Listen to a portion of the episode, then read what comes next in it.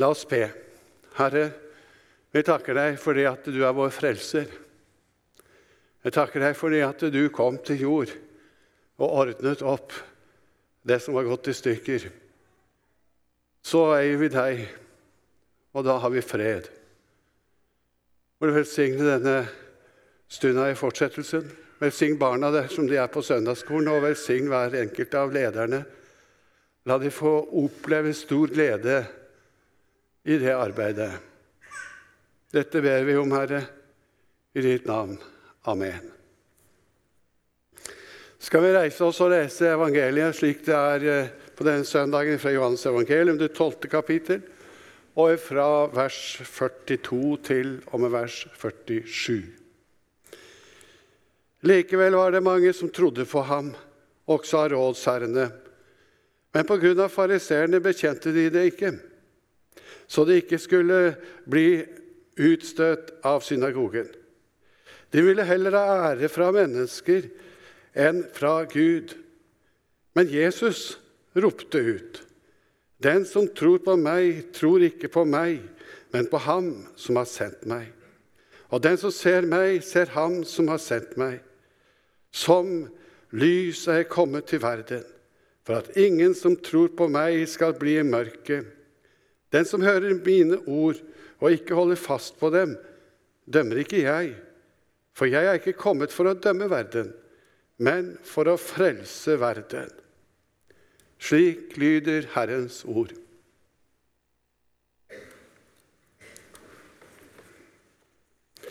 Vi er, som vi allerede har fått høre, inne i den delen av året som kalles for åpenbaringstiden. Det betyr at vi skal ha et ekstra fokus på hvem Jesus er, hva han betyr for oss mennesker, og ikke minst dette at han og Faderen er ett. På jorden så er han både Gud og mann.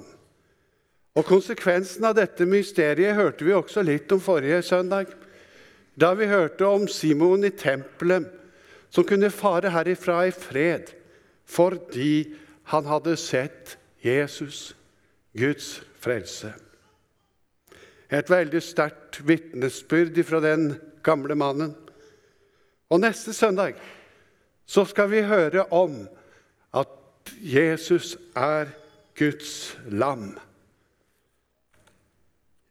I det forrige, i kapittel 11, så ser vi litt om bakgrunnen for det som vi nå har lest sammen. Vi hører om at Lasarus blir helbredet, eller vekket opp fra de døde. Og vi hører om en folkemengde som hyller Jesus pga. det som har skjedd. Og Vi hører om hengivenhet og kjærlighet. Og I begynnelsen av dette kapitlet så hører vi om den festen som var i Betaniaheimen, der hvor Lasarus, Maria og Martha var samlet og hvor Maria salver Jesu føtter. Men vi hører òg om at noen av rådsherrene de la planer om å drepe Jesus. Mens andre, hører vi i teksten som vi leste, de trodde på ham, men i smug. Altså selv blant de som ble betegnet Jesus som sin fiende og sin motstander, så var det noen som trodde. Nikodemus var en av dem. Josef het en annen. Det var jo rådsherren Nikodemus som kom til Jesus om natta, husker dere. For han ville sette seg dypere inn i dette med Jesus. Han ville forstå mer. Og Jesus tok god tid sammen med ham. Og Josef han kom mer til bekjennelse etter hvert. Og når Jesus hang på korset, så ba han om å få være med og ta ham ned. Det gikk et skille der hvor Jesus gikk fram. Noen eh, trodde på han, og andre ikke. Slik er det også i dag. Men det var altså noen skapkristne noen hemmelige troende som ikke turte å komme frem til å begynne med med sin tro. Vi hører her at de turte ikke å fortelle om Jesus av frykt for rådsherrene eller frykt for fariseerne, frykt for de andre. Det var altså menneskefrykt som lå til grunn for at de holdt sin tro stille og for seg selv. Er det slik i dag? Er det noen som av frykt for de andre ikke tør å stå fram? Ja, jeg tror det, dessverre. Og det er også undersøkelser som eh, understreker og bekrefter nettopp det. Det finnes en del som ikke tør eller vil fortelle om sin personlige tro, om hvem de tror på på uh, både arbeidsplass og studiested. Og det skulle ikke forundre meg om at noen av disse er her i dag. I dag, i vårt samfunn, så kan vi nesten snakke om alt mulig rart. har jeg lagt merke til. Det fins ikke noe som en skamme, skal skamme seg, seg over, i grunnen. Det er slik at du kan være åpen om alle ting. Fra det dypest personlige og private. Men det er bare én ting som vi må være litt forsiktige å si noe om. Og det er jeg tror på Jesus. Jeg tror på Gud. Jeg er en personlig kristen. Det er blitt et nytt tabuområde. Og jeg tror dette preger vårt land, eller den vestlige kultur, på en sterk måte. Der hvor jeg bor, ute på Hauketo, der er det mange innvandrere. Og det hender vi prater litt sammen. Og jeg har noen som har asiatisk opprinnelse, pakistanere og slike som jeg møter en gang iblant. Og det, møtes samtidig sammen også med kritthvite nordmenn. Og disse fra Pakistan de spør meg, for de vet hva jeg driver med, om mange åndelige spørsmål. De spør meg om Gud. Og da blir det fra de hvite, fra oss, i vår kultur veldig taust. Det blir stille. Det er akkurat som vi norske vi har mistet et språk, en taleevne, en mulighet for kommunikasjon på de åndelige områder. Vi tør ikke eller vil ikke, eller vi er blitt så hemmet i å snakke et åndelig språk. Det syns jeg vi merker stadig, stadig vekk. Og det kan jo ligge mye frykt i det, også for vårt vedkommende. Vi er redd for å heise, heise flagg. Og eh, jeg syns det var litt fint når jeg leste teksten i, i dag, at det var Det står sånn Johannes skriver om at det var noen som trodde på han, men dog i mørket. Han er like bekjente ikke av frykt for. Jeg syns det var fint at det, det ble på en måte anerkjent at de trodde på han allikevel. Sjøl om de ikke turte, sjøl om de var redde, sjøl om de var feige, så blir ikke det avfeid liksom og skjøvet bort og sagt at 'du tror ikke'. Jo, de trodde på han, men de var feige. Det er liksom et faktum i det. Vi tror, men ofte er vi feige.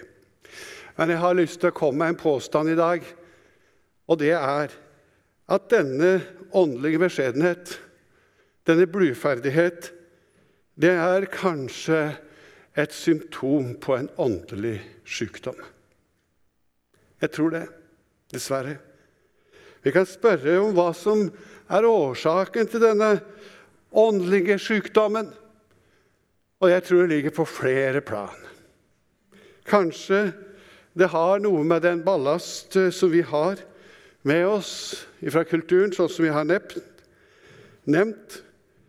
Eh, men jeg kan eh, nevne fire små punkter om hva jeg tror kan være litt av årsaken.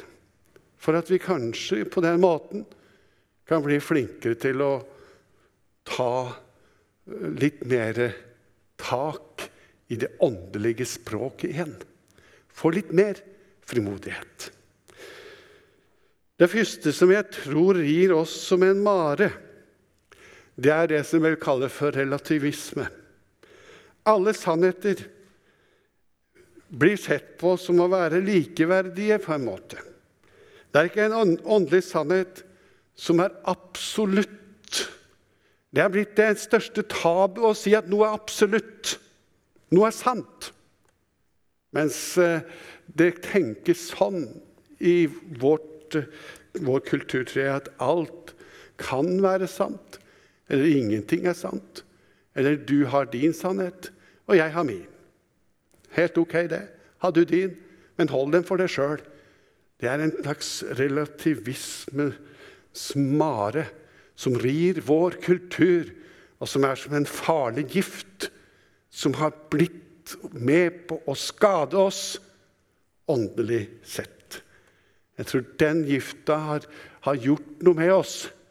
Og her må vi bruke all kraft på å gi unge mennesker, gi oss selv, frimodighet til å si at det er noe som er sannheten.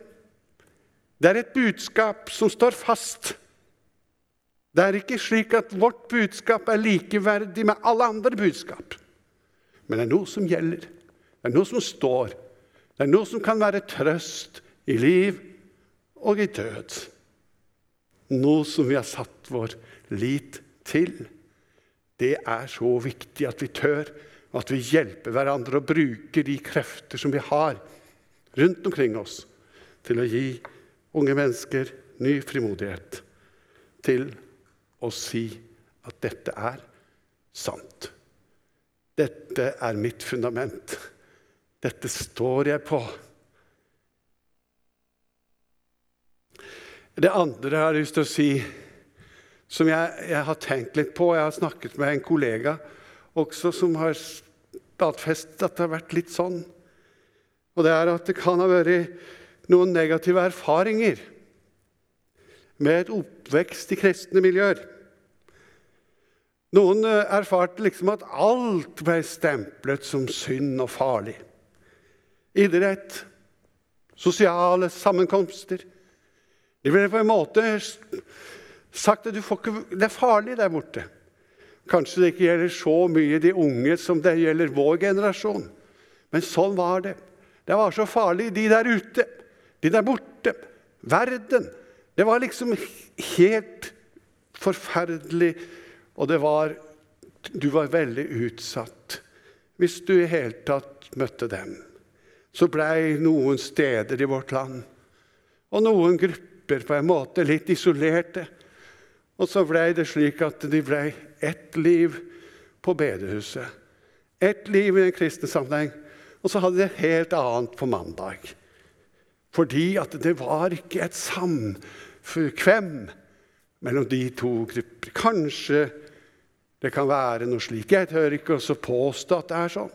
Men dere som tenker og vurderer, de får vurdere deres, eget, deres egne erfaringer og si om dette kunne ha vært noe i enkelte sammenhenger.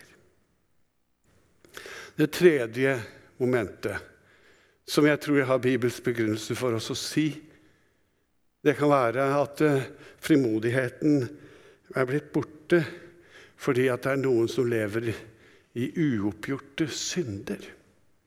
En tar ikke så alvorlig lenger om en lever i synd.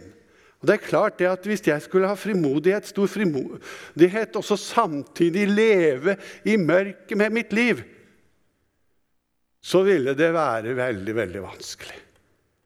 Det er slik at hvis du lever i mørket, hvis du lever i uoppgjort synd, hvis du forsvarer synden, ja, da er du i en situasjon hvor du på en måte har tatt en annens parti. Du har tatt mørkets parti, og du lever i mørket med ditt liv, og du begynte å forsvare mørkets gjerninger. Og hvordan kan en da ha frimodighet? Jeg har tatt fram i tekstmanuset mitt David som et eksempel på dette. Han levde i synd. Og han eh, skjulte sin synd. Og da tidde han, står det i salmene. Da ble frimodigheten borte.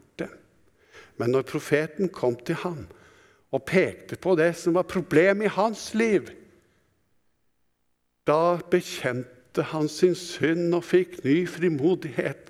Og Gud la i min munn en ny sang, en lovsang til vår Gud. Også mange ser det, står det. Faktisk ser. Og de priser Gud. Et oppgjør på det plan.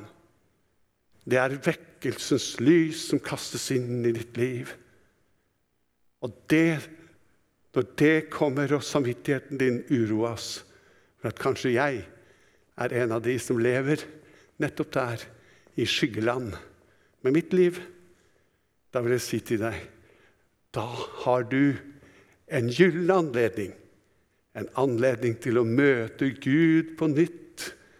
For han slår deg ikke, han dømmer deg ikke. Han tar deg inn i lyset når du bekjenner dine synder. Det fjerde punktet jeg har satt opp under dette, det er manglende trening, sier jeg. Jeg tror det er en sammenheng med alle de andre punktene. Men jeg, jeg, jeg vet ikke. Men jeg hadde inntrykk av at det var litt mer vanlig å ha en åndelig samtale. Åndelig preking sammen før. Og jeg har inntrykk av at det andre Nå er jeg veldig tynn, på veldig tynn is, så det er ikke verken forskning eller noe av det jeg sier, men det er bare en antagelse. Og Jeg hadde en kamerat som også kjente noe til de som var innenfor for, for, uh, muslimske miljøer. Og da Han sa en gang jeg misunner de mannfolka i disse miljøene, for de har en, et åndelig språk. De snakker sammen om Gud. Mens vi, sa vedkommende til meg, som også har vært predikant, vi har mistet det. Kanskje vi må ta en lite treningskurs, en lite øving, og så begynne å prate sammen igjen om åndelige spørsmål, men også litt om det som har med det personlige, åndelige liv å gjøre. Ja, all sykdom trenger behandling. Ja, det er sant. Og hva er for slags behandling vi kan få for denne mangelsykdommen som vi nå har preket om? Ja, da har jeg skrevet her sånn i manuset mitt åndelig lysbehandling. Åndelig lysbehandling, vekkelse. Lev i lyset med ditt liv. Oppgjør, omvendelse. Erfaringen med vekkelse som vi har snakket om så mye før, men som vi ikke snakker så mye om lenger, det er at når vekkelsen kommer, så er det akkurat som Guds lys kommer og kastes inn i samvittigheten på en slik måte at synden blir smertefull. Og vi blir engstelige fordi vi har krenket Gud i tanker, ord og gjerninger. Da blir det på en måte flyttet fra hodet til hjertet, og blir slett, det blir rett og slett et problem for oss. Synden blir alvorlig og stor, for jeg står for Gud, som vet alle ting. Han vet alt om meg. Og så må jeg da slå ansiktet mitt skamfullt ned. Oppgjør, oppgjør med Gud. Står der foran Han og ble kalt til omvendelse og oppgjør.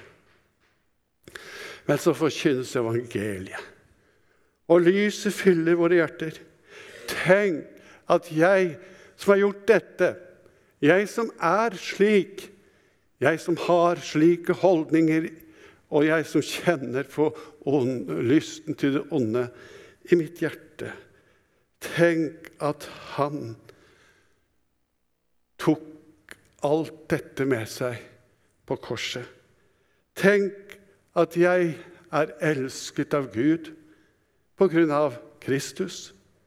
Han er ikke kommet for å dømme, sto det i teksten, men for å frelse.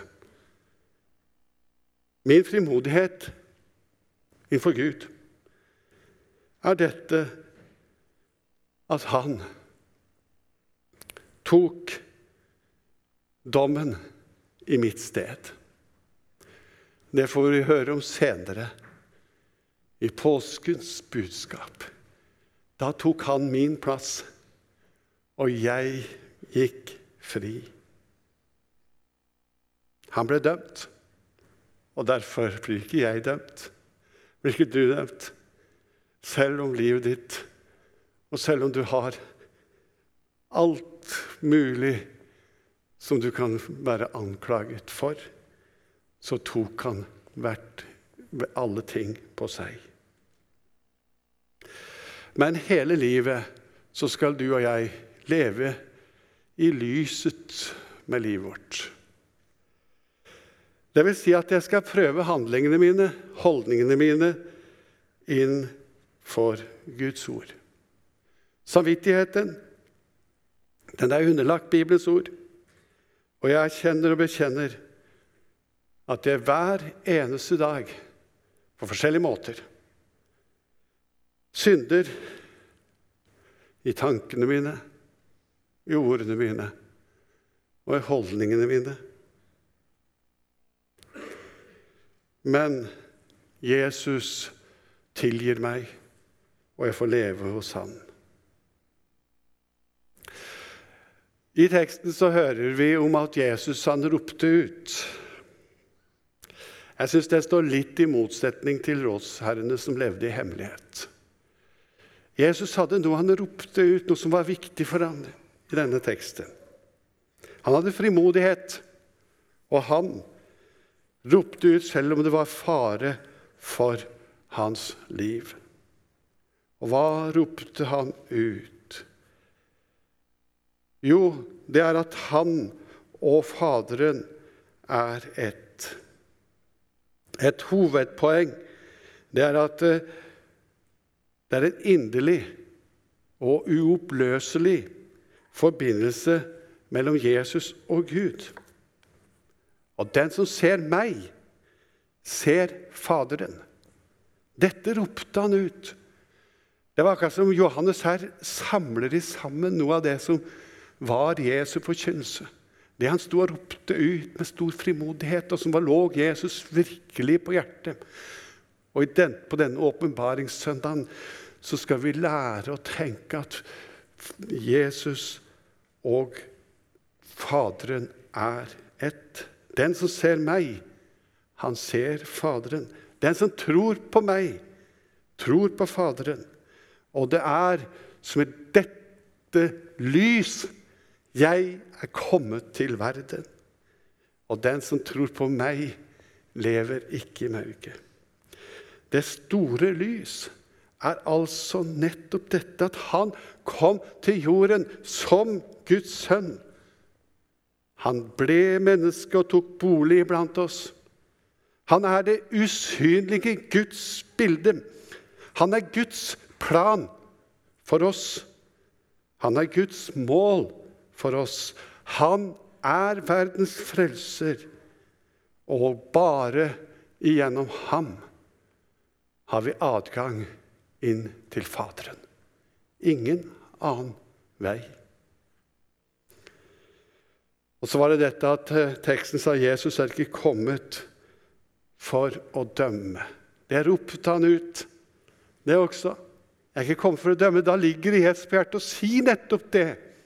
Om du føler deg fordømt, nedslått, så lå det Jesus på hjertet å si at jeg er ikke kommet for å dømme. Og han sa noen kapitler foran, i kapittel 8. Heller ikke jeg fordømmer deg, sier Jesus til kvinnen som var grepet i ekteskapsbrudd. Og til rådsherren, han som kanskje trodde i smug, så sier han så høyt har Gud elsket verden, at han ga sin sønn den enbårne, for at hver den som tror på ham, ikke skal gå fortapt, men ha evig liv. Og så sier han videre Gud sendte ikke sin sønn til verden for å dømme verden, men for at verden skulle bli frelst ved ham. Den som tror på ham, blir ikke dømt. Den som ikke tror, er allerede dømt fordi han ikke har trodd på Guds enbårne sønns navn. Teksten vår slutta altså litt brått i vers 47. Etterpå så står det noe om at den som avviser meg og ikke tar imot mitt ord, har likevel en dommer. Det ordet jeg har talt, skal dømme ham på den siste dag. Det er eh, to ting som jeg har lyst til å si til oss i dag. Og det er at dommen eh, ble fullbyrdet. Jesus var den i vårt sted. Og han kom ikke for å dømme, men frelse. Og er det, da er det slik at den som tror på Han, går fri. Men den som ikke tror på Han, går ikke fri. Når vi har lest disse tekstene, så, så gjør det inntrykk på meg. Og, det, og lar tekstene arbeide med meg. Gir, gir tekstene litt oppmerksomhet. Lar de tale litt over tid. Lar de synke inn i ryggmargen. Så syns jeg det er veldig sterkt. Det finnes ikke prutningsmonn. Det finnes én sannhet. Det er Jesus som er verdens lys. Han er Gud. Det er ingen mellomløsning, ikke noe både-og. Ikke plass til noen form for relativisme i dette. Hans ord er sannhet, grunnsteinen som alt verdifullt bygges på. Det er fjellgrunnen som holder når dommen kommer. Det er dette vi forkynner. Jesus er altså vår frelser, vår redningsmann, verdens lys. Ikke bare Israels lys, men verdens lys. Og denne sannhet, den har en enorm konsekvens og betydning for oss alle. Og den kan ikke ties i hjel. Den kan ikke ties i hjel. Vi synger 'Jeg vil ikke tie om Jesus'. Jeg vil ikke skjule hans navn. Hvor skulle jeg nekte ham æren, som allting har gjort til mitt gavn? Det navn er min ros og min glede, den livsgrunn som evig består. Der fant jeg i stormen mitt rede. Der fødtes min salighetsvår. Amen.